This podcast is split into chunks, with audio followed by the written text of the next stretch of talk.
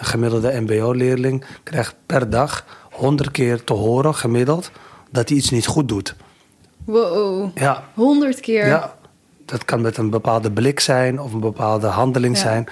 Ja, dat is natuurlijk niet de manier waarop je zeg maar, burgerschap kneedt. Nee. Ready to have some fun? Let's do it. Hoi allemaal en welkom bij weer een nieuwe aflevering van De Makers. Ik ben Diede Vonk, zangeres en actrice. En sinds ik ook zelfstandig muziek en theater ben gaan maken, merkte ik net als veel van mijn collega-makers dat ik tegen een aantal dingen aanliep. Vragen als hoe krijg je je werk aan de man? Hoe hou ik mezelf productief? En wat doe ik als ik even geen inspiratie heb? Daarom ben ik deze podcast begonnen, waarin ik elke week een inspirerende maker interview en vraag om tips. Vandaag heb ik weer een expert talk. Deze keer over fondsen en subsidies. Ik spreek Jessin Boussaid en Annemiek Geel over Fonds ZOZ en de ZOZ Academy. Fonds ZOZ zoekt en ondersteunt bijzondere verhalen in de Nederlandse samenleving. Verhalen die raken, schuren, verbinden, de wereld bevragen of je aan het denken zetten. Met de ZOZ Academy wordt het aanvragen van fondsen laagdrempeliger gemaakt. Jessin is naast projectleider van de ZOZ Academy ook directeur van de Meervaart en Annemiek werkt naast secretaris bij Fonds ZOZ ook bij Prins Bernhard Cultuurfonds. Ik vind Fonds ZOZ te gek omdat ze altijd mooie projecten steunen en echt manieren vinden om met kunst en cultuur mensen te verbinden in de samenleving. Ze vertellen in de podcast hoe ze dat doen en zetten alle do's en don'ts voor het aanvragen van een subsidie op een rijtje. Wel zo fijn. Heel veel luisterplezier. Hier zijn Jessin en Annemiek. Mijn naam is Annemiek en ik ben van huis uit of opgeleid als dramaturg. Eh, dus de theaterwereld, theaterwetenschap gedaan. En ehm, via een omweg daar terechtgekomen, want ik wilde altijd kinderarts worden. Dat Oh. was ik tot mijn zeventiende van plan. Ehm, en toen zag ik iemand eh, dat opnieuw studeren, geneeskunde doen. En eh, toen dacht ik, nee, dat is toch niet de opleiding voor mij. Zo'n massastudie met, eh, nou ja, je bent een poppetje. Dat is niet helemaal hoe ik leer en hoe ik graag met mensen omga. Dus dat was de grootste reden, gewoon te, te massaal. Ja. Ja, en toen dacht ik dat stampen, dat is ook eigenlijk niks voor mij. Ik, de, de, ik zag te veel woorden op een gegeven moment, maar toen wist ik het dus niet meer. En ik heb wel altijd veel, eh, ik heb zelf altijd gedanst, muziek gemaakt, dat, maar nooit over nagedacht dat dat en via de universiteit zou kunnen en eh, iets zou kunnen zijn wat ik echt uiteindelijk ging doen. Eh, maar ik ben er dus terechtgekomen omdat de hoogleraar zei: ja, je moet het gewoon heel leuk vinden om heel vaak naar theater te gaan. Kijk, En dat was, was zo. En je wil niet actrice worden. Dat was de tweede eis die eraan gesteld werd. Nou, dat wilde ik ook niet. En eh, dus daar ben ik toen terechtgekomen. En uiteindelijk via de opleiding grotendeels ook na de hand in het werkveld terechtgekomen.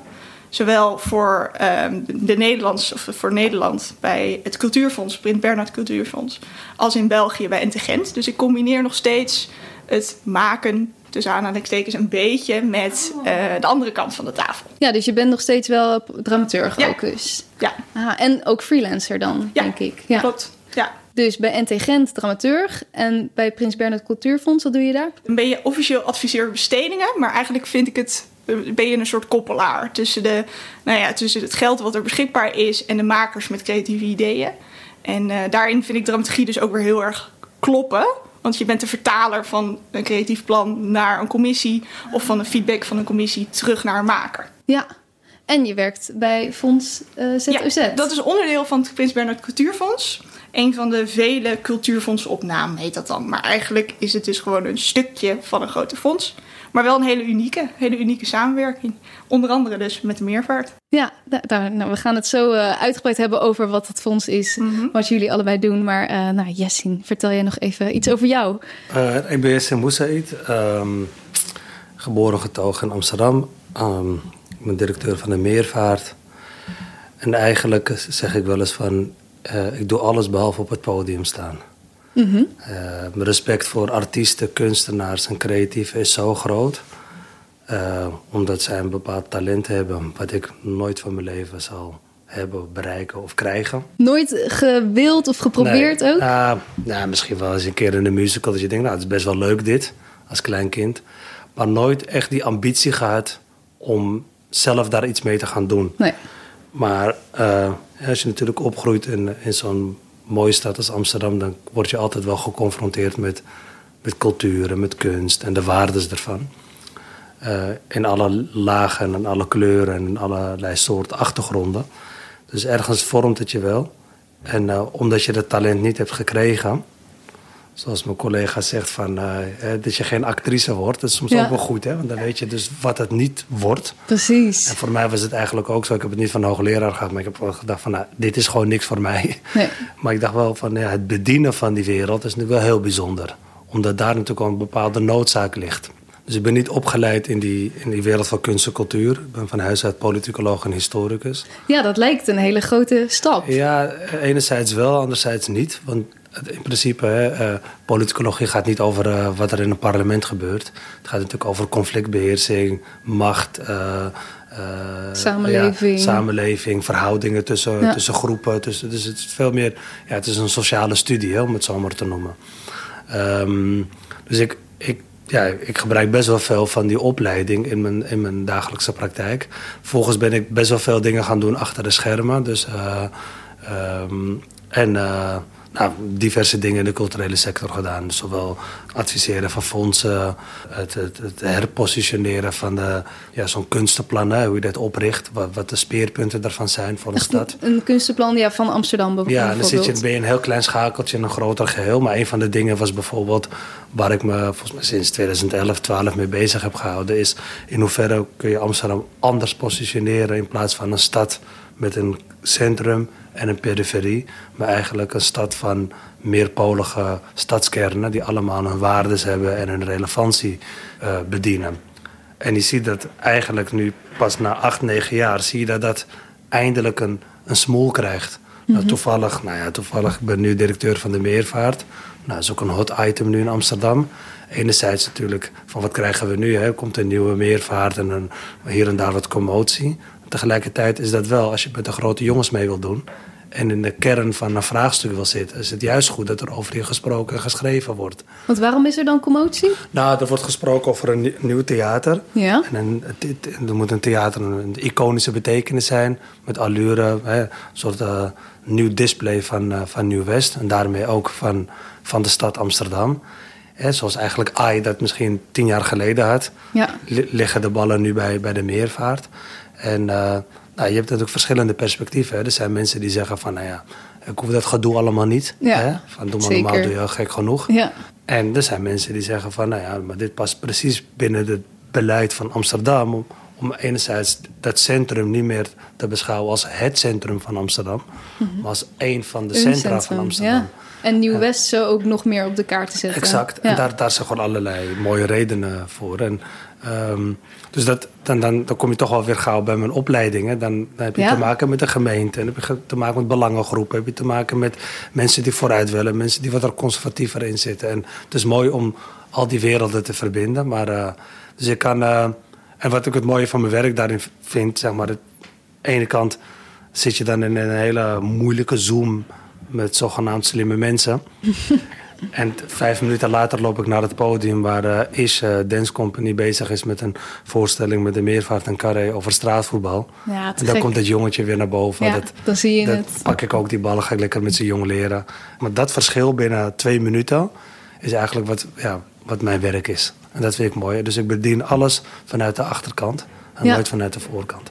Ja, klinkt te gek als ja, ik dit zo zeker, hoor. zeker. Heel, heel dankbaar werk. Marco van Ish was hier trouwens ook een paar weken geleden, Oh ja. dus, eh, dus dat is leuk. Ja. Maar ehm, ehm, voor de luisteraars die niet in Amsterdam wonen, jij bent natuurlijk vanuit de meervaart heel erg Amsterdam. Is Fonds ZOZ ook echt alleen voor Amsterdammers? Nee, eh, het is een landelijk initiatief. En eh, we bedienen eigenlijk daarmee ook, ik vind bedienen een heel goed woord, of verbinden, vertalen, helpen, eh, heel Nederland. Het is niet per se een eis dat je bijvoorbeeld met je theatershow heel Nederland doorgaat om bij ons eh, een ondersteuning te krijgen, maar het heeft wel de voorkeur. Want officieel werk ik ook voor het landelijk deel van het Cultuurfonds. Als Prins Bernhard Cultuurfonds zitten we in 12 provincies, Caribisch gebied en vanaf de Herengracht voor landelijk. Dus alles van de fanfare tot het Stedelijk Museum, zeg maar. En Ah. alles wat ertussenin zit. Maar uh, nee, het is dus een uh, landelijk initiatief. Wel ooit een beetje begonnen vanuit Amsterdam en Rotterdam. Twee uh, scouts daar, die hadden zoiets van... we kunnen iets doen, reageren op de maatschappij. Dat doet kunst, standaard. Maar dat kan misschien nog iets concreter. Mm -hmm. En toen werden er partners bij elkaar gezocht. En dat was twee Nederlandse ministeries, Sociale Zaken en Justitie. en de Meervaart en het Cultuurfonds. En die vier zijn dit een paar jaar geleden begonnen. Vanuit een heel actueel thema. Toen het uitreizigersdilemma, zou ik maar even zeggen. Wat zijn uitreizigers? Uitreizigersdilemma. De, de vraag hoe ga je om met jongens en meiden die zich meer gezien en gehoord worden voor een alternatief verhaal. En ook best wel een, een heftig en nou ja, een conflict in willen gaan. Um, maar kan je daar niet een, ook een cultureel tegengeluid tegen produceren? En zoek je dus, uh, eigenlijk was het idee om wij makers hebben het over het hier en nu. Makers kunnen laten zien dat je mag dromen, dat er alternatieve verhalen zijn, dat jouw verhaal telt, dat het gesprek aangaan belangrijk is. Um, maar als we dat nog meer aan elkaar verbinden, misschien is dat dan een van de tegengeluiden tegen zo'n oproep van kom vechten voor de vrijheid in Syrië als ja. Nederlandse jongen of meisje. Ja. Oh, dus echt vanuit zo'n heel specifiek vraagstuk of uh, probleem is het toen opgericht. Mm -hmm. En hoe zorg je dan um, dat je die mensen bereikt? Want dat zijn misschien ook niet uh, direct makers. Nee, klopt. Um, het gaat ook denk ik niet per se om de makers die we daarmee bereiken, maar vooral het publiek rolmodellen. Ik denk dat uh, nou ja, mensen als Nasruddin Char zijn en alles rondom uh, Mokromafia is nu een beetje gevoelig, maar daar, ja. hiervoor waren dat voorbeelden van je kan, uh, nou ja, je kan blijf dromen en jouw verhaal in Nederland telt. En het is niet dat jij nou ja, weg hoeft te gaan om, om gezien en gehoord te voelen. Daar gaat het eigenlijk over. En ik denk dat makers dat supergoed kunnen tonen. Alleen al door wie ze zelf zijn en op een, een podium te pakken, maar ook door uh, ja, de verbeeldingskracht die erbij komt. De kracht van cultuur eigenlijk, wat mij betreft. Ja. En hoe is dat in de afgelopen jaren ontwikkeld? Want zo begon het fonds. En uh, waar, ja, waar staat het nu voor? Wat, wat is het? Het is altijd moeilijk in een paar zinnen uit te leggen, vind ik. Uh, maar dat doen we ook een beetje bewust. Want we willen zoveel mogelijk blinde vlekken voorkomen. Dus zijn eigenlijk niet zo vastgetimmerd. Dit is ons hokje hebben wel een hokje in het logo. Maar dat is eigenlijk juist weer de omdraaiing. De zie om mijn zijde. Van wij maken nieuwe hokjes waar je misschien wel in past. En, uh, maar de vraag om waar staan we nu? We zijn nu bijna vier jaar verder. Er zit heel veel in die voedingsbodem voor onrust, zou je kunnen zeggen, in de samenleving. En wij pakken daar thema's uit die, nou ja, niet wij, de kunstenaars pakken daar thema's uit. Um, en wij denken dan, hé, hey, dat is misschien wel past in de missie. Maar we zijn nu een fonds met nou ja, over de 100 ondersteunde projecten. Dus van heel landelijke theatertour tot een documentaire over bijvoorbeeld extreem rechts op nationale televisie. Tot echt in de haarvaten van wijken in Arnhem, in Rotterdam, in Amsterdam. Projecten vaak voor en door jongeren. Via kunst en cultuur of met kunst en cultuur. Klinkt te gek.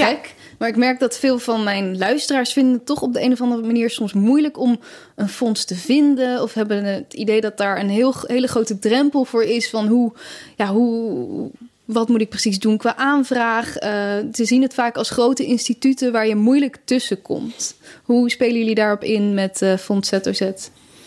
Nou, vanuit mijn eigen praktijk. Ik heb vroeger bij de uh, eh, CNV-opleiding van de HVA altijd lesgegeven in fondsenwerving en sponsoring. Oh ja, werd er echt les uh, Nou, dat is dus het fascinerende. Uh, ik schrok daar heel erg van. Het is een opleiding die...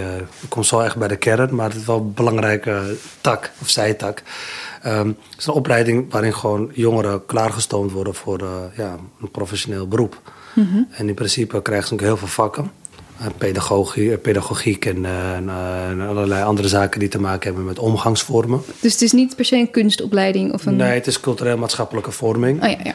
Uh, maar het, het, het, zit wel tegen kunst aan natuurlijk, of tegen maatschappelijke vraagstukken aan.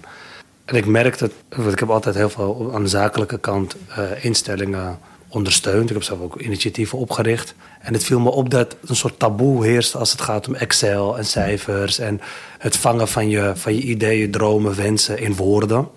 Terwijl je denkt, ja, maar jij staat toch gewoon op het podium en je blaast 300 man weg door een gedicht van een halve minuut. Wat is dit, weet je? Dus ja. waarom kan je dat dus wel? En lukt het jou niet om in een soort Jip en Janneke taal met bullet points te zeggen: dit zijn mijn doelstellingen, dit, zijn, dit is mijn planning, dit is mijn artistieke hart.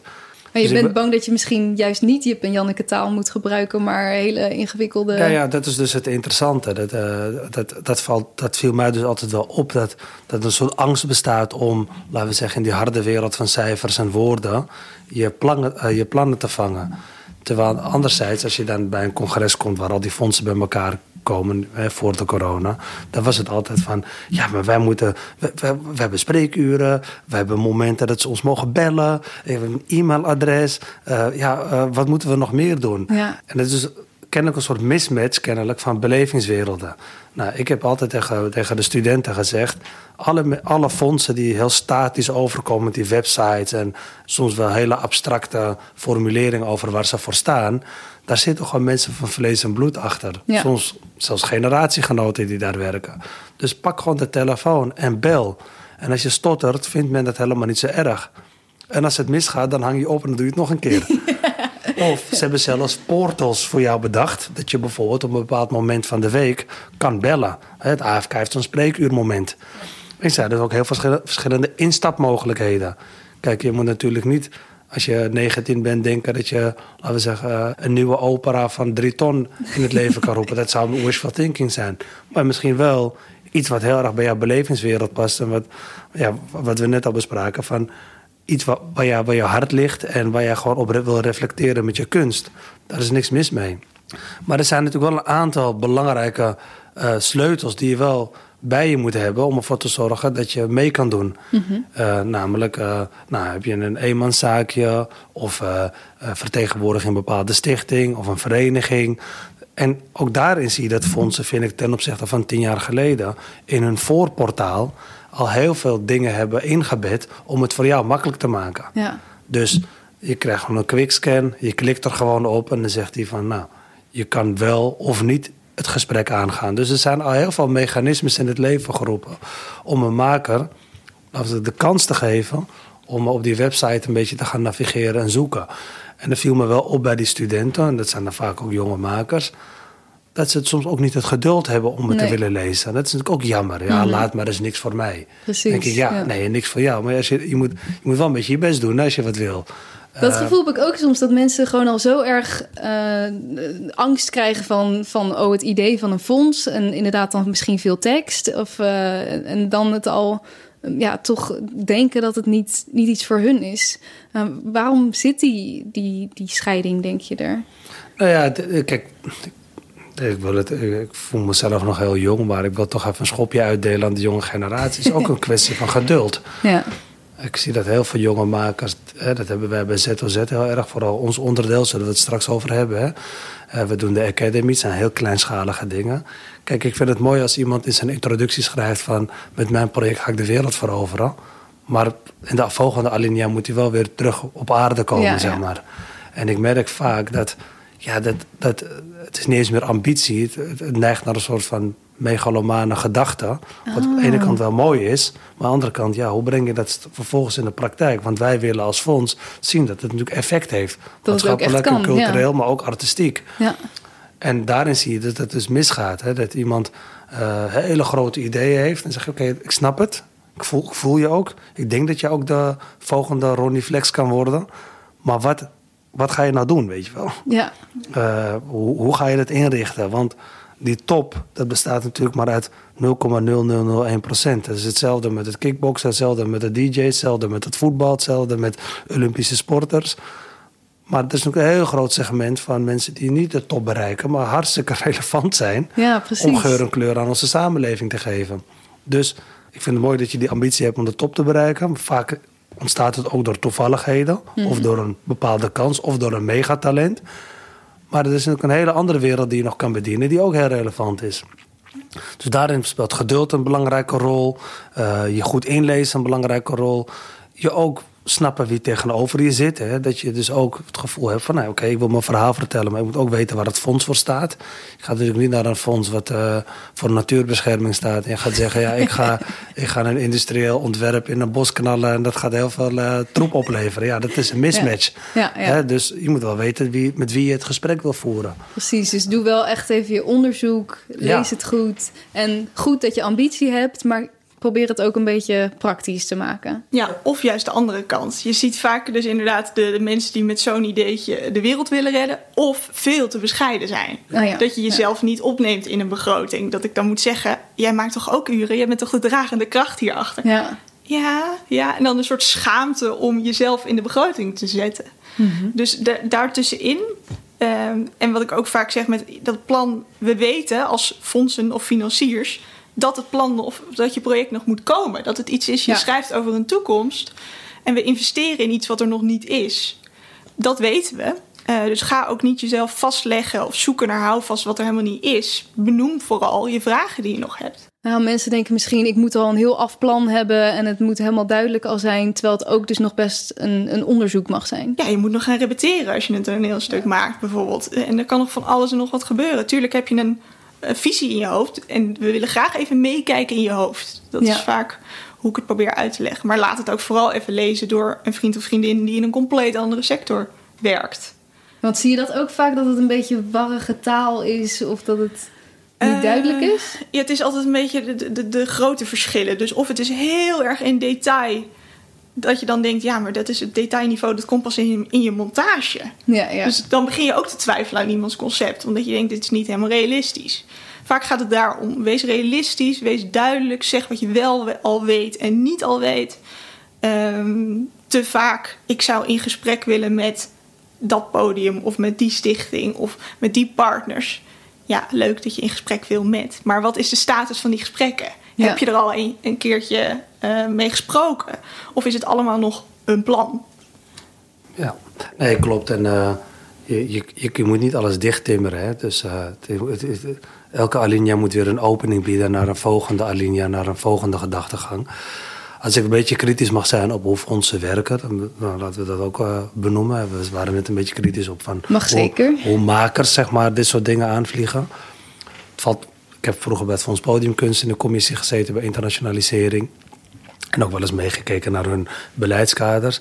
Wat me ook wel opviel is dat de macht van de commissieleden soms heel erg groot is. Dus ehm, ehm, ja, kennen wij die persoon? En Oh als ja? we hem kennen, dan zal dat wel. Zal ik moet goed zeggen, zijn, Ik of- moet zeggen dat ik daar vrij activistisch in was binnen die commissies. Want ik denk, ja, op zo'n manier geef je nooit iemand een kans. Mhm. Je kan het wel staven met een mooi voorbeeld. Eh, bij het Fonds Podiumkunst had je internationalisering. En had je eigenlijk ja, best wel harde variabelen om je projectplan op te, aan op te hangen, zeg maar. En, eh, en dan kwam er, eh, nou, dat je hele grote plannen, weet je wel, van toneelgroep Amsterdam destijds. Weet je, wat ik van, ja, kun je bijna geen nee tegen zeggen. Maar ik, geef niet, ik zeg niet dat toneelgroep Amsterdam dat doet hoor. Dus eh, begrijp me niet verkeerd. Dat is gewoon een soort fictief voorbeeld van een grote instelling. Dan kijk je naar het marketingplan. En dan, kijk, dan lees je dat en dan denk je van hè. Maar volgens mij las ik dat bij een aanvraag van vorig jaar precies op dezelfde manier. Een soort luiheid bij de grote Ja. jongens. En dan, maar dan zie je een commissie, een sfeer ontstaan. Ja, maar dat kan bijna niet misgaan, want ze gaan toch wel 80 keer spelen. Ja, en dat vind ik tricky. En dan zie je iemand die, eh, nou hadden we een andere aanvraag van, eh, van een eh, jonge maker. Die was op zoek naar de synthesizer in Los Angeles. En een van de knop moest hij zoeken om een bepaalde sound te creëren. Die, voldoet, die voldeed helemaal niet aan al die variabelen. Die vroeg ook geen moer. En die werd door zeg maar 80% van de commissieleden werd die gewoon niet gehonoreerd. Ja, dan, dan word ik wel pissig. Dan denk ik, ja, dat kan natuurlijk niet de waarheid zijn. Het is iemand die bijna vanuit zijn hart schrijft. Ja. Super relevant, super specialistisch voor zijn, voor zijn vakwerk. Hij heeft de moed verzameld om te zeggen: nou, ik ga toch een plan schrijven. Het voldeed niet helemaal, maar dat gold net ook voor die andere partij die met een belachelijk communicatieplan kwam. Ja. En daar deden we heel makkelijk over. Terwijl dat soort partijen gewoon acht, negen mensen bij de afdeling communicatie hebben niet eens zo'n plan kunnen schrijven. Nou, waar gaat het dan mis? Waarom Nou ja, dat is lui? dus die- heel veel aannames bij commissieleden die dus dan niet zo kritisch zijn op het moment dat ze eigenlijk kritisch horen te zijn. En dat is jammer. Ja. En dat, is- dat wordt dus ook, hè, ook modetermen als diversiteit. Of hè, ik zeg niet dat het een modeterm is. Qua urgentie is het belangrijk. Maar het wordt als modeterm af en toe toege- toegepast binnen aanvragen. En dan kan je meegeven dat wij in ieder geval vrij kritisch zijn om te zeggen van ja, wel lekker makkelijk geformuleerd nu, maar wat ga je nou echt doen? En Ja. dan, dat koppelen we ook terug aan de grote jongens. Hoe bedoel je dat koppelen ook terug aan Nou, de grote jongens? jongens die daarmee koketteren, Ja. dat ze daar wat mee gaan doen bijvoorbeeld. En vervolgens, eh, als je dan naar de première komt, je kijkt om je heen, denk je van, eh, ja, volgens mij voldeed dit niet, voldeed dit niet helemaal aan, eh, laten we zeggen, de, het speerpunt diversiteit of het speerpunt inclusie of het speerpunt eh, gendergelijkheid of weet ik veel allemaal. Ja. Dus er zijn heel veel mooie, mooie beleidstermen die ook echt wel maatschappelijk urgent zijn. waar heel makkelijk op gescoord kan worden. Door daar hele mooie volzinnen voor te bedenken. En als je dat gaat vertalen naar de praktijk, dan schrikken wij af en toe wel. Van denken, nou, dat had wel een onsje meer gemogen. Ja, maar dat moet toch eigenlijk in dat proces dan al... Inderdaad, mooi dat je het mooi kan beschrijven... maar je moet daar toch eigenlijk gelijk een, een plan voor hebben... van hoe gaan we dat dan daadwerkelijk aanpakken? Ja, maar dat is dus dat is precies. Jij, jij stelt precies de juiste vraag op dit moment. Een fonds kan. he- er zijn geen weinig zeg maar, controlemechanismes binnen het proces. op het Ja. moment dat iets gehonoreerd wordt. Het is heel moeilijk. Oh, Want in principe gaat het project dan gewoon starten. En je moet, we weten ook niet hoe het gaat. Er zijn altijd redenen waarom er toch een andere afslag genomen wordt. Oh dus daar is weinig inderdaad... Het ja. is moeilijk hoor. Ja, Oh, ja, zeker. Want je geeft in principe het mandaat aan de instelling om ermee aan de slag te gaan. Ja, het vertrouwen. Het Ja. vertrouwen. En Ja. na de hand ga je het evalueren. Tuurlijk kun je dan zeggen van nou, je hebt niet helemaal aan de eisen voldaan. Maar het is wel Het lastig. is zonde Ja. als dat achteraf is natuurlijk. Ja, dus inderdaad, de angst en het, en het contact met de fondsen zit vooral in het voorgedeelte, in, het, eh, in de financiering zoeken. Maar zodra je je toekenning hebt, dan, dan kraken we eigenlijk een beetje ook het zicht op de makers kwijt. En Ja. dat, met ZWZ doen we dat juist niet. Waarvan we gewoon meteen zeggen, iedere zoveel maanden, geef even in twee zinnen een update via de mail. En Ah, ook, waar kunnen we je mee helpen? Ja. En wil je dat wij het op onze socials gooien? Wil, wil je dat, eh, nou ja, kom je nog financiering tekort en wil je een deel van je budget inzetten voor een fondsenwerver? Zeg dit soort dingen, overleg. Of kom eens bij ons langs om iets, een deel van je product Ja. te presenteren. Bijvoorbeeld als wij iets aan het organiseren zijn over het fonds bijvoorbeeld. Lijkt me alleen maar fijn ook als maker, toch? Dat je het er weer even met mensen over kan sparren. Maar het is wel arbeidsintensief, hè? Kijk, Ja. dat is het verschil. Kijk, we, hebben, we, zijn, we zitten eigenlijk in een mooie snoepwinkel met ZOZ. Dat we dat ze eigenlijk kunnen doen. En ook kunnen toetsen of dat een nieuwe vorm kan zijn om, Ja. om laten we zeggen, projecten van nieuwe makers of opkomende makers te bedienen. Dus eigenlijk is het ook voor ons een leerschool van, oké, ook ik, eh, vanuit een theater, wat heeft een theater in godsnaam met, met, met, met fondsenwerving. Het is ook een interessante ja, spanning in positieve zin van, eh, van, van, van het woord. Van hoe, hoe kan je dus, want wij zijn ook makers. Ja. Of een podium in ieder geval. Maar we zitten wel aan de kant van het fonds. Daarmee kijken we net af en toe anders naar aanvragen. En andersom leren wij weer heel veel van hoe fondsen toch weer eh, ja, een systematiek moeten bewaken. Om ervoor te zorgen dat, dat die aanvragen gewoon goed bediend kunnen worden met, met goede feedback. Met soms ook wel, ja, je moet ook soms ook oppassen met je woorden. Hè, als het gaat om hoe je, hoe je laten we zeggen, een eh, aanvraag eh, beoordeelt. Want het komt wel eens voor dat je het misschien wel als commissie het zo formuleert. En dat iemand in een, bezwaars, een bezwaar kan indienen en zeggen: Ja, u heeft het wel geroepen, maar volgens mij heeft u mijn aanvraag niet goed gelezen. Ja.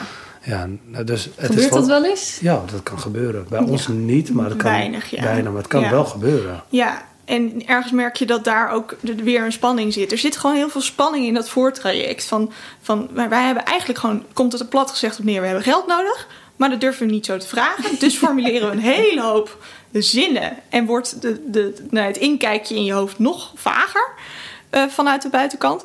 En andersom zit er een angst van ehm, investeren we in een goede partij. Dan steken ze het niet in hun eigen zak. Maar ook welk verhaal wordt hier uiteindelijk mee verteld? En is dat niet politiek gevoelig? Of er zitten zoveel angsten. Maar ook bijvoorbeeld hoe formuleren we een toekenningsbrief of een afwijzingsbrief? Ja. Zeker bij de, eh, bij de overheidsfondsen.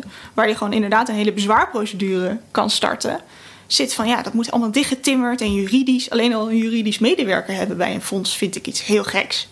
Maar die zijn er. Maar neemt dat dan ook een beetje de, de, ja, de creatieve vrijheid weg? Of voel je je daardoor soms een beetje inge, ingesloten? Ja, nou, soms wel. Ik denk, ik denk dat het voor een maker die dan toch op grond van die criteria een plan moet schrijven, dan toch het gevoel heeft van ja, ik word nu best wel gedwongen om, laten we zeggen, die, die zware teksten te ontwikkelen.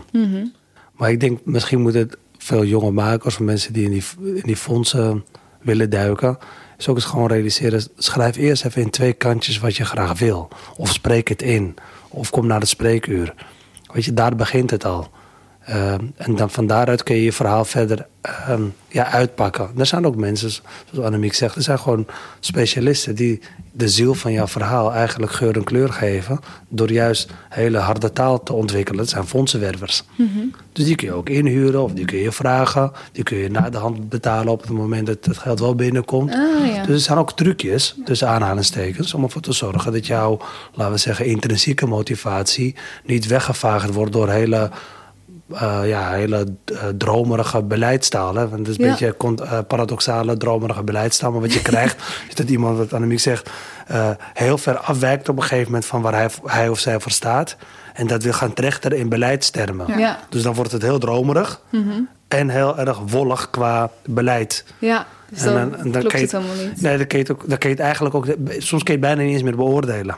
Nee, nou ja. En het valt mij echt op dat wij af en toe denken van... hé, is dit wel de persoon die ik twee weken geleden aan de lijn had, weet je wel? Dat was Ah, zo'n... Wat lees wel, ik? Of... was zo'n krachtig persoon en die, die, zou, ja, die, die, die, je gaat gewoon doorstoten. En dan krijg je een tekst en denk je, oh mijn hemel, wat, wat is je aan het doen? Ja. Weet je wel, wat doet hij zichzelf aan? Zo zonde. Ja, ja, zeker. Maar wij, wij, met het ZOZ krijgen we wel de kans om hen Precies. dan weer Ja. zeg maar, te helpen. Dat is Ja. heel fijn. Ja, lieve luisteraars, even een kleine mededeling tussendoor dat je deze podcast kunt steunen.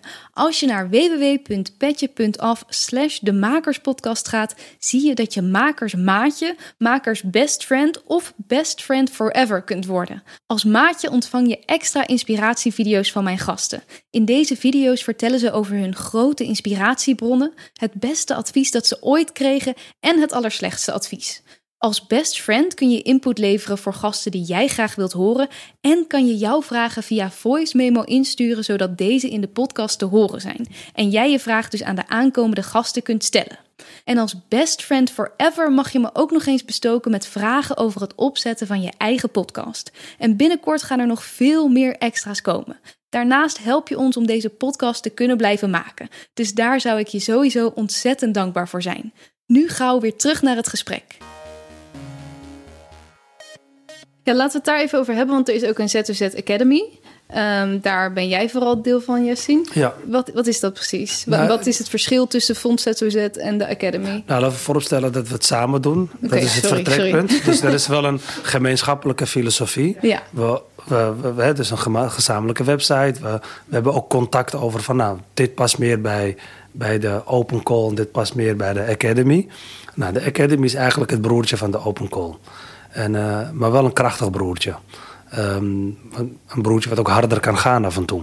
Omdat ehm, wat wij eigenlijk doen is dat het instapniveau om een aanvraag in te dienen wat lager ligt. Ja. Dus we kunnen nog meer en nog dieper in die samenleving op zoek gaan naar die verhalen die heel mooi passen bij het muterende karakter van het fonds. Wat bedoel je met muterende Nou, karakter? Nou, dat is dat proberen uit te leggen waar het vroeger voor stond. Namelijk eh, met die uitreizigers, zo heet dat toch? Dat is een moeilijke term. Maar eh, hebben wij altijd gezegd, ja, dat is ook een, een trend. Want een, eh, een conflictgebied zal op een gegeven moment ook anders gezien worden. Mhm. Ik zeg niet dat er geen conflictgebieden meer zijn, zo bedoel ik het niet. Maar het extremisme of polarisatie of radicalisering... ehm, of het herpositioneren van, laten we zeggen, ehm, extreme bewegingen... kan zich ook op andere vraagstukken gaan manifesteren. En het grappige is eigenlijk die hypothese die we volgens mij in 2017, 18 hadden... is nu echt uitgekomen.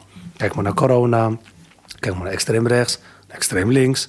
eh, eh, social media intimidatie. Dat zijn allemaal dingen die eigenlijk verder zijn ontstaan, Ja. zijn doorgegroeid en nu wat hoger op de agenda zitten qua urgentie en maatschappelijke, maatschappelijk debat. Dus dat muterende karakter zit hem namelijk in het feit dat we nu die polariserende bewegingen, radicaliserende eh, ontwikkelingen, et cetera, niet meer toespitsen op één specifieke trend of één specifiek thema, maar het veel meer ja, displayen of koppelen aan wat er nog meer in de samenleving gebeurt. Misschien hebben we over vijf jaar eh, een reactie op hoe wij eten bijvoorbeeld. Of Ja. de luchtkwaliteit. Of dat, dat, dat daar weer polariserende bewegingen Ja. ontstaan waar kunstenaars op willen reflecteren. Dus het gaat echt, de makers of de projecten die bij jullie worden gehonoreerd, gaan over die eh, tegenstellingen in de samenleving. Exact. En hoe je die misschien meer met elkaar kunt verbinden. Ja, nou, maar, dus, dus, maar dat verandert steeds. Dus, Ja, dus het- wat dat precies Het vraagstuk is. kan iedere keer Ja. veranderen. Dus dat geeft ons een heel fijn gevoel, omdat je dan eigenlijk eh, eh, relatief op afstand naar die samenleving kan kijken. En tussen aanhalingstekens geniet van een nieuwe vervelende beweging in de samenleving waar heel veel commotie eh, ontstaat. Dus nu hebben we misschien veel meer op, eh, op, op social media intimidatie. Zo'n Bilal Wahib vraagstuk is voor ons eigenlijk best wel leuk.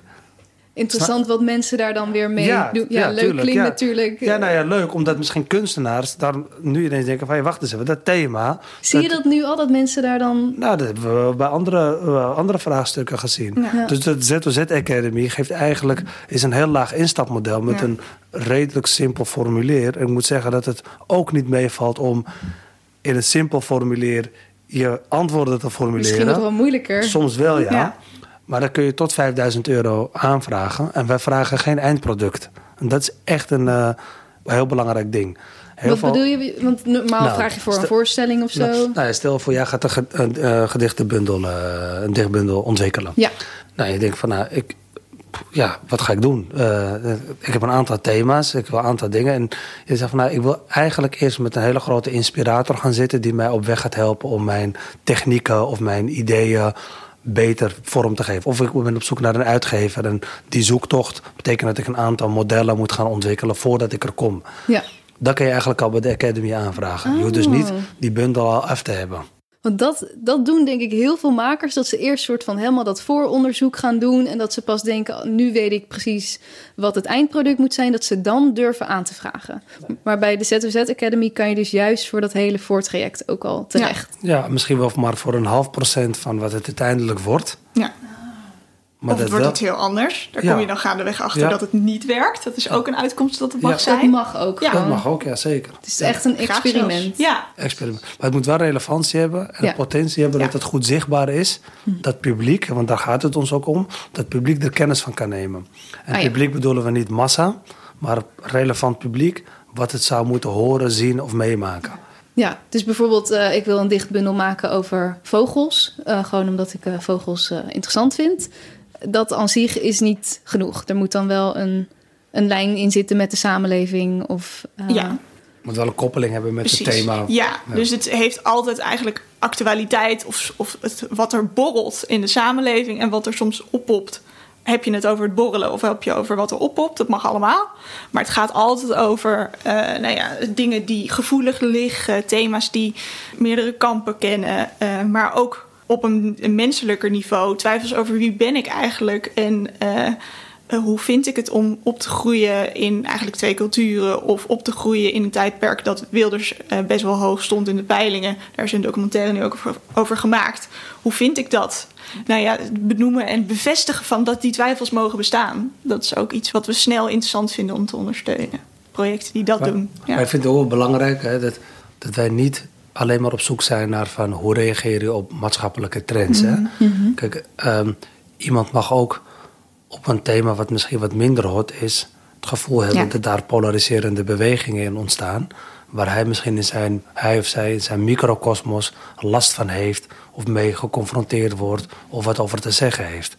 Dus wij dicteren Ja. niet van, oké, eh, social media, eh, pesterij, dat is nu het thema, dus alle aanvragen Ah, moeten ja. daarover gaan. Nee, het mag hoeft niet actueel. Nee, het mag, Nee. nee. het het- het- zolang het maar echt gaat over hoe kun je een alternatief verhaal koppelen aan een thema wat polariseert en soms mensen tegenover elkaar zet. Ja. En wat Ja. het met die persoon doet, of met de mensen die dat zouden moeten horen, zien of meemaken. Ja.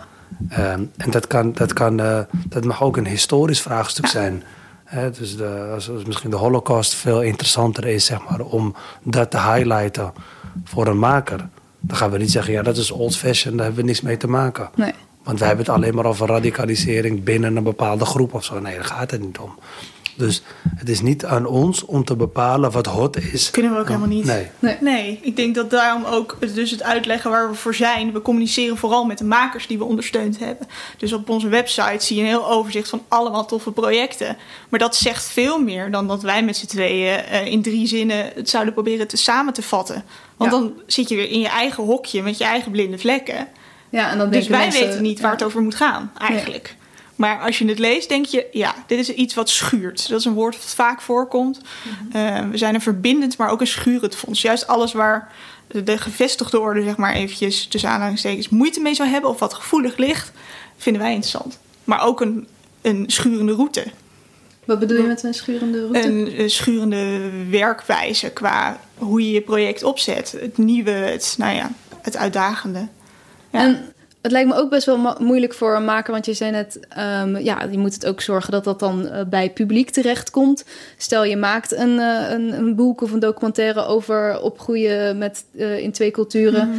Hoe zorg je dan dat dat eh, bij publiek terechtkomt of hoe dat dat relevant is voor een heel groot, of ja, hoeft dan niet een groot publiek te zijn, maar ja, hoe maak je die vertaalslag van dit is mijn onderzoek naar, oh, dat is ook relevant voor anderen?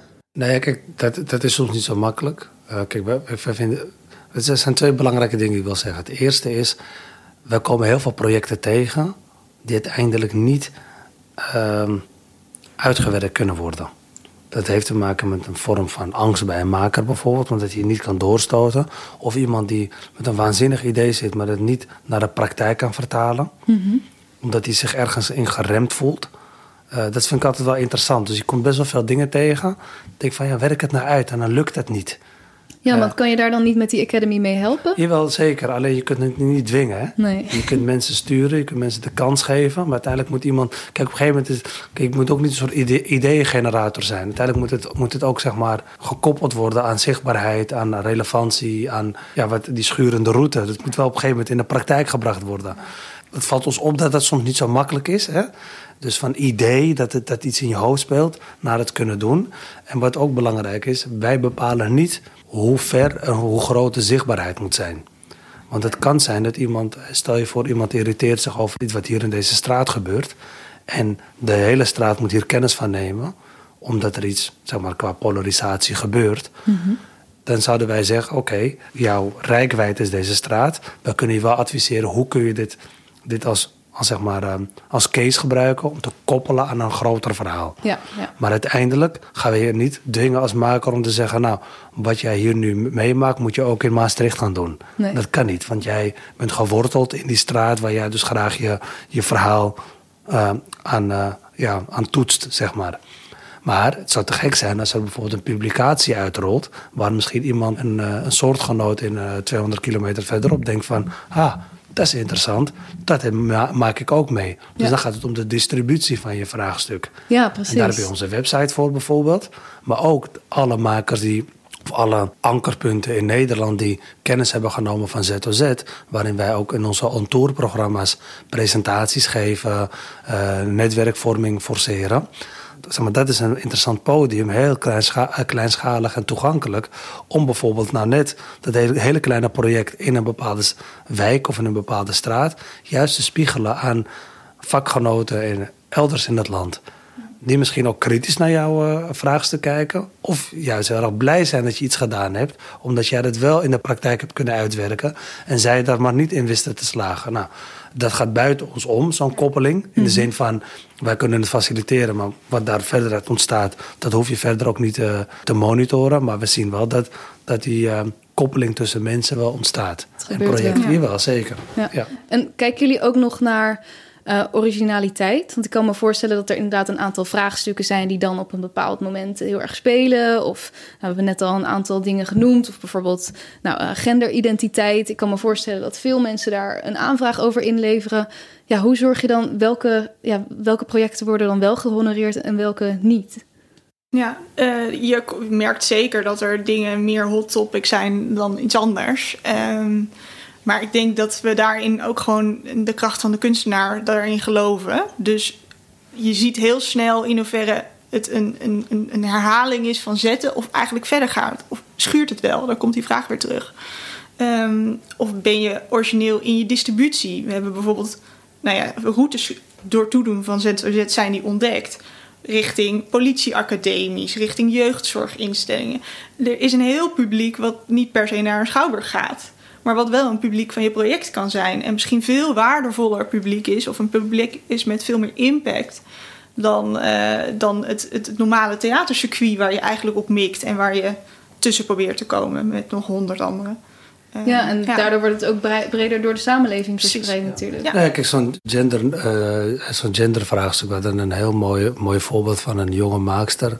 Ik dacht dat ze Hindoestaanse, Surinaamse achtergrond had.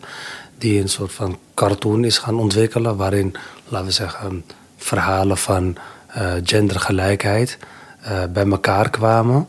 Vanuit het perspectief van een niet-westerse achtergrond. Laat ik het even heel strak eh, formuleren. En Maar dat deed zij niet vanuit ik trap, ik trap terug naar mijn community of wat dan ook. Dat deed zij gewoon omdat ze een intrinsieke motivatie voelde om, laten we zeggen, dat vraagstuk te agenderen. En met, met die publicatie makkelijker toegang te krijgen tot scholen. Om juist kinderen niet te confronteren met, met, met gendervraagstukken, maar juist te accommoderen met gendervraagstukken. En wat ik heel mooi van die aanvraag vond, is dat zij hem ook wist te koppelen aan, laten we zeggen, de, de, de gay pride. Oh ja. ja. Dus, en maar dat is dus echt een bottom-up zoektocht van haar om ook een sterk distributiekanaal te vinden.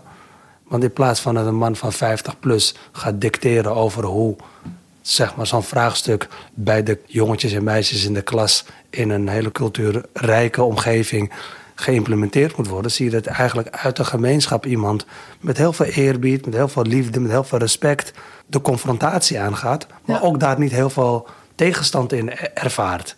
Snap, volg je wat ik bedoel? Dus ja, want het verschil tussen accommoderen en... eh, en confronteren is iets anders. Hè, Kijk, als ik bijvoorbeeld, ehm, ehm, als, jij, als jij 50 plus bent en eh, je bent in het gooi opgegroeid en je gaat naar Geuzenveld toe en je gaat tegen kinderen zeggen: Jullie zijn achterlijk, want jullie snappen niet wat de gelijkheid tussen man en vrouw is. Kan ik a- a- aangeven wat dan de reactie is van die kinderen? Daar is een gat van de deur, donder maar op. Ja, want ik kan, niet met, ik kan niet met u levelen. nee.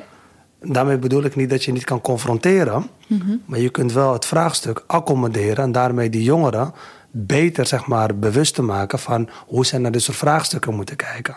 Ja, dus, informeren in plaats dat van... kan zijn ja. door iemand binnen de gemeenschap. En de gemeenschap klinkt allemaal zo van alsof dat heel, weet je wel. Nee, het is gewoon iemand die de taal snapt van die jongeren. Ja. En vanuit hen het vraagstuk op tafel legt. En vanuit hen naar, naar de spanning gaat zoeken. En vanuit hen ook naar een distributiekanaal zoekt. Wat misschien leidt tot veel meer dan alleen maar wat er in, de, in, eh, in die klas gebeurt. Maar misschien door heel Nederland verspreid kan worden. En, en dat vond ik bij het, het voorbeeld van, van die jonge maakster. Die zeg maar een heel mooie cartoon had ontwikkeld. Vond ik dat heel sterk. Ja. Dus zijn jullie ook heel erg actief op zoek naar dat soort mensen? Of komen ze echt naar Nou, die jullie komen toe? wel naar ons toe. Maar ik, ik omarm dat, Ja. soort, dat soort bewegingen heel erg. Ja. Want dit komt met een hele grote eh, Ja. bescheidenheid Ja. binnen eigenlijk. En vanuit Terwijl- een gemis. Zij Ja. had dat vroeger gemist, dat Ja. verhaal. En Ja. ik denk dat dat heel sterk is als jij eh, je in gaat zetten om het gemis van een volgende generatie niet weer te laten plaatsvinden. Ja. Precies. Ehm, ja. En Ja, zij irriteerde iets zich bij. juist als, wat ik, ik gaf net heel gechargeerd het voorbeeld van iemand die dan van bovenaf komt vertellen hoe een ander moet denken. Zij gaf ook aan van dat was voor mij ook heel, ik wilde dat helemaal niet. Mhm. dat, dat is voor mij helemaal niet een manier om mij zeg maar een goed gevoel te hebben over hoe belangrijk gendergelijkheid is. Nee, dat komt Als het op zo'n manier over. Nee. gedicteerd wordt. Nee. Het moet op een hele andere manier aangevlogen worden. Het is een hele mooie, niet eens een methodiek, maar gewoon een heel ander gevoel bij. En ik denk dat heel veel mensen dat misschien ook hebben in de maatschappij. Denken van ja, ja op zo'n manier kun je zeker de confrontatie aangaan. Maar wel vanuit een idee dat, dat je mensen meekrijgt. Want dat is uiteindelijk de kern van confrontatie. Als je alleen maar gaat vertellen dat de ander niet deugt omdat hij anders is. Ja, dan volgens mij ga je daar alleen maar polarisatie in de hand eh, werken. Hoe creatief je het ook aanvliegt. Maar als je dat doet door wel te confronteren, maar wel iemand mee te krijgen, ja, dan wordt het leuk. Want dan wordt diegene die confronteert misschien ook geconfronteerd met zijn tekortkomingen en zijn vooroordelen ten opzichte van de ander. En dan, wordt, dan vind ik het een heel mooi proces worden. En ik merk dat we wel een aantal van de soort makers om ons heen hebben gezien, die heel mooi daartussen ertussen kunnen bewegen. Dan mag het zeker schuren en botsen, maar wel altijd vanuit het idee dat je het accommodeert om ja, mensen mee te krijgen. Want dat is ook wat je wil, hè? Zeker, ja. Ja, ik denk dat dat ook werkt. Dat juist, het, ik zeg het wel eens, het laagje van de fictie, als we het even hebben over een Ja. fictiefilm of een toneelstuk, helpt om precies daartussenin te gaan zitten. Tussen van oké, dit is iets, we kaarten iets aan wat duidelijk gevoelig ligt, maar we houden de nuance of de opening tot gesprek Ja, blijft bestaan. En dat is dat laagje van de fictie. Want je kan bijvoorbeeld zeggen: ja, nee, maar dat zegt een fictief personage. Daarin zit of het gesprek aangaan met schoolvoorstellingen. Ja, wat vond je van dat personage? Dat is niet de mening van die acteur. Mhm. En daardoor heb je iets meer bewegingsruimte en letterlijk ruimte voor gesprek.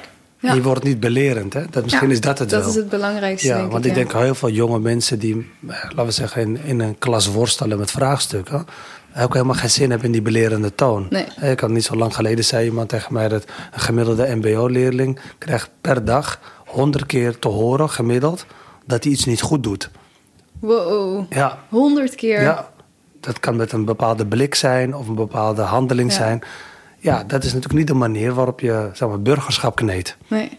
Je kneedt eigenlijk frustratie in de samenleving. Ja. Dus je moet ervoor zorgen dat, dat je dus... Ik honderd keer bedoel ik dus ook mee... alleen maar een blik van een buschauffeur... die Ja, toch weer op iemand neerkijkt. Of, nou, als je dit allemaal bij elkaar optelt... je doet het 365 dagen... en tien jaar lang van een kind... Wat nog, waar zijn hersenen nog ontwikkeld moeten worden... wat gebeurt er dan? Enorme cocktail. Je mag bij, bij wijze van spreken bijna blij zijn... dat het helemaal niet zo vaak misgaat in de samenleving. Maar inderdaad, ja. Dat is- ja. Wat, wat mooi dat jullie daar met, met het fonds iets ook aan kunnen doen. En eh, ja, jullie, maken, jullie ondersteunen supermooie projecten. Lijkt me heel voldoenend om daar ook te mogen werken. Ik vind de, de vrijheid die we hebben en ook eigenlijk de samenstelling van die vier partners die ik in het begin noemde van ZOZ, dat is een hele ongebruikelijke samenstelling. Want waar is het ministerie van Onderwijs, Cultuur en Wetenschap terwijl we het daarover hebben bijvoorbeeld? Ja. Maar ik denk dat die samenstelling en ook de vrijheid en de openheid die we met elkaar hebben, nou ja, het kan niet anders. Als je, het, als je dit soort dingen wilt proberen te ondersteunen, dan moet je in gesprek gaan. Dan, ja, ik denk dat je daarin de, nou ja, de openheid en de kritisch zijn naar jezelf moet erin zitten. Je moet, eh, als je het over dit soort dingen hebt, een, een multidisciplinaire adviescommissie, mensen vanuit allerlei hoeken en gaten mee laten kijken. Ja, nee, het, is, het is wel belangrijk, want dit- de samenstelling van de commissie bijvoorbeeld... Ja. ook mensen zijn met hele verschillende invalshoeken en achtergronden... en kritische blikvelden. Dus de ene let meer op de DT, en de andere le- let meer op de voetnoot... en de andere let meer op de YouTube-filmpjes die meegestuurd worden. nou, als je al die krachten bundelt, heb je volgens mij een hele mooie waaier... aan mensen die reflecteren op zo'n aanvraag. En ik, wat, wat ik heel belangrijk vind eh, om te benoemen... Wat het valkuil waar we niet in willen trappen, of hoe zeg je dat... is namelijk dat... dat nou, ik geef altijd het voorbeeld van Massi Oetak bijvoorbeeld, columnist bij het Parool. Best wel een activistische vogel in Amsterdam-Noord. Ook hij, hij, hij gebruikt Noord als een soort van microcosmos en laat dan de wereld zien. In zijn boek kijkt hij ook naar andere steden waar hij vergelijkbare ontwikkelingen heeft gezien. Van gentrification en het effect daarvan. Maar wat ik eh, bijvoorbeeld heel sterk van zijn betoog vind. Ik ben het helemaal niet eens met al zijn invalshoeken. En ik, af en toe heb ik ook wel eens kritische gesprekken met hem. Maar wat hij bijvoorbeeld heel mooi weet te vangen... is bijvoorbeeld een uitspraak als... ehm, wij als jongeren, er wordt ons nooit gevraagd... in hoeverre de bakfietsen op ons intimiderend kunnen overkomen. Dus hij draait zeg Ja. maar perspectieven om. Ja, ja, ja. Dat is eigenlijk waar ZOZ over gaat. Daarom Dus- we zo. ja, dus, dus zo'n uitspraak is voor mij een soort van positieve uppercut. Dat ik denk van ja, het is inderdaad wat we zoeken. Want als je alleen maar vanuit capuchons gaat redeneren... Ja. als een soort van lage cultuur... of mensen die een negatieve uitstraling hebben... dan zijn wij ook als fonds verkeerd bezig. Mhm, Zeker. Dus Ja. ik zou bij wijze van spreken een project willen omarmen... wat misschien die bakfietsmoeders als de lage cultuur Ja, vangt. Snap je wat ik bedoel? ja, helemaal. Dus, want voordat je het weet, word je een soort van... Ja, we zijn een soort jongerenfonds. Waarin allemaal van dat... Weet je wel, eh, alles wat in de schaduw gebeurt van de samenleving... dat moeten we omarmen. Dus het zal allemaal wel urbanachtig zijn, et cetera. Terwijl daar moet het niet over gaan. Oh, dat is wel een goede, eh, goed punt om nog even te maken, inderdaad. Ja, Dat, en ik, eh, ik, ik moet zeggen, ook bij, bij, bij jonge makers, dat meen ik echt. Ik heb heel lang bij, bij, bij de gasten in, de- in het bestuur gezeten. En ik heb wel eens gekscherend tegen die regisseurs gezegd... En het, het is geen kritiek, hè, want ik, ik hou van de gasten. Ik heb het mede mogen oprichten als, als bestuurslid. Ehm, en ik gebruik hen wel eens als voorbeeld. Ik vond het super krachtig dat zij de stem van de jongeren een plek geven. Maar ik heb wel eens met een knipoog gezegd... als ik puber was, zou ik nooit bij jullie willen aansluiten. Oh? En dan zegt zo'n regisseur, hoe bedoel je? We geven je toch een stem? Ik zeg, ja, maar je geeft mij een hele harde stem. Ik moet laten zien dat ik jong ben. Ik moet laten zien dat ik goed gebekt ben. Maar ja, ik, was ook, ik, ik wil ook een nerd kunnen zijn. Ja. Ja, En ik wil ook dan gehoord kunnen worden. ja. En, en dat is dus iets hoe je dus naar jongeren moet kijken. Dat je niet elke keer zo'n karikatuur van ze maakt. Dat zij dan heel, altijd in activistisch en altijd in een soort van... eh, nee, ze mogen ook eh, een boekenwurm zijn. Ze mogen Ja. ook ehm, iets heel kleins bijzonder vinden... en van daaruit reflecteren op die samenleving... en het schurende traject volgen. En dat is iets waar, waar ik me heel erg voor wil inzetten. Want voordat je het weet, word je alleen maar jong, energiek, stoer, urban... al die dogma's die er maar Ja. op kan plakken... Eh, Ja, en dan, nou, dan faciliteer je letterlijk gewoon het vooroordeel wat er al heerst op een groep die gehoord moet worden. Ja, en dan creëer je juist ook weer dat een andere groep zich er niet in thuis voelt. Exact. We moeten een beetje gaan Oh, afronden. het gaat snel. Ja, gaat snel hè? Ja. Maar ik dacht, ehm, hebben jullie nog, zijn er dingen die jullie eh, vaak zien in aanvragen waarvan je denkt, eh, misschien tips die je hebt voor makers van doe dat anders of doe, doe dat juist zo. Ehm, zijn er concrete dingen die daarin vaak terugkomen? Ja, wordt niet te wollig. Past wel bij eerder. Ja, we hebben er al een paar genoemd. denk ik. Eh, ja, we hebben er zeker al een paar genoemd. Ehm, dus proberen te beperken qua aantal pagina's. Laat het dus lezen aan iemand die in een compleet andere sector werkt. Het liefst zo beta mogelijk, eh, wat mij betreft. Kan je het inderdaad in een minuut of vijf gewoon tof aan iemand anders vertellen. Mhm. Dat betekent eigenlijk ook al dat het duidelijk genoeg is. Ja, Ehm, als je daar veel te veel tijd en veel te veel woorden voor nodig hebt, dan ben je eigenlijk dus nog niet concreet genoeg. Ehm, bel, wat Jessine al zei, bel een keer met een fonds. Ga een keer naar dat spreekuur. Het maakt nog niet uit in welk stadium je zit. Je kan ook zeggen, jongens, ik heb dit vorige week bedacht, maar ik wil het even aan jullie voorleggen. Eh, of het is iets wat al eeuwen op de kast ligt en je durft er maar niet mee de straat op, letterlijk. Ehm, ja dat zijn er al een hele hoop. ja, Eh, en gewoon inderdaad het, het punt al dat je mag bellen, dat er spreekuren zijn en dat Ja. het dan nog niet perfect hoeft te zijn, is Nee. denk ik al heel fijn. precies. Ja, en je, en je mag wat ons betreft ook... Je hoeft niet alles zeg maar in woorden te vangen om contact met ons te leggen. Je kan er bijvoorbeeld ook zeggen van... Ik wil iets wat ik ontwikkel, een model als foto of als object. Of als, Ja, want Ja. sommige of als mensen video. hebben Ja, veel meer aan beeld. Of, ja, eh, of zijn ja. veel visueler aangelegd. Dus dat fonds is er niet alleen maar om, eh, laten we zeggen, hoe kun je alleen via woorden en teksten eh, communiceren, maar misschien wel via andere tools. Ja, Ehm, dat, is heel, dat, is een, dat mag. Ja. ja. Dus je graag vo- zelfs. In je voorportaal mag je ons ook verrassen met een hele andere vorm Ja. dan alleen maar droge teksten met, eh, met, Ja. een, eh, met voetnoten en subkopjes en weet ik het allemaal. Natuurlijk is het fijn om op een gegeven moment wel een soort standaard te volgen. Hè? Dus dan heb je ons overtuigd dat het relevant is. Dan vragen we je wel van oké, we kunnen je begeleiden door die tekst wat strakker te krijgen. We gaan natuurlijk nooit redactie voeren op je tekst, dat doen we niet. Maar we kunnen je wel adviseren van nou, je staat nu wel heel ver van waar je mee binnenkwam. Kun je daar niet even op letten? Ja. En dan ontstaat er weer een nieuw gesprek. Ja. Ja. Ehm, en wat ontzettend belangrijk is, is dat wij verwachten niet continu eindproducten in de, in de, in de aanvragen. Dus eh, een kop en een staart van een aanvraag betekent niet dat een kop en een staart van je product of van je Nee, dienst. precies. Ja, je anders. aanvraag moet eh, Dan is er niks rond zijn. meer Maar, aan. ja. Dan, dan is er niks meer te ontwikkelen. Ja. Terwijl je als fonds of als financier wel juist je geld in iets wat nog moet komen in de toekomst eigenlijk investeert. Maar ik krijg ook vaak genoeg filmplannen, projectplannen voor een film. Waar dan geen enkel beeldmateriaal bij zit. Nou, dan begin ik ook te twijfelen. Ja. Ik denk, ja, ik wil voelen welke stijl je hebt, welke sfeer je wil opwekken. Ja. En ik heb nu alleen maar woorden. Ja, ja, dus juist ook andere, andere Ja. media gebruiken. ja. Ja, volgens mij zijn dat echt eh, heel veel hele fijne tips. Heel Ja. veel dank, heel fijn om jullie te spreken. Hebben jullie een, een idee voor de toekomst? Waar, gaat, waar het naartoe gaat met, met jullie fonds, met cultuur, met kunst? Ja, het is een. We hebben altijd gezegd dat we ons eigen bestaan zouden moeten opheffen op een gegeven moment. Of dat, dat, Oh. dat we niet voor de eeuwigheid zouden moeten bestaan. Eh, dus ergens hoop je dat een deel van de werkwijze overgenomen wordt door de rest van het fondsenwereldveld. Eh, maar ik denk dat er altijd behoefte blijft aan, aan begeleiding, aan een, een plek om je te ontwikkelen, aan broedplaatsen. En ik hoop dat dat ook weer steeds meer ondersteund gaat worden vanuit bijvoorbeeld een rijksoverheid, nadat al die broedplaatsen toen wegbezuinigd werden. Ja. Je moet ruimte, tijd, energie, geld. Je hebt heel veel nodig om te kunnen ontwikkelen.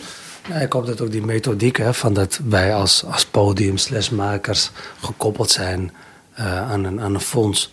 Om laten we zeggen, samen het verschil te maken. En daarin ook af en toe het even niet te snappen, om het zo maar te noemen.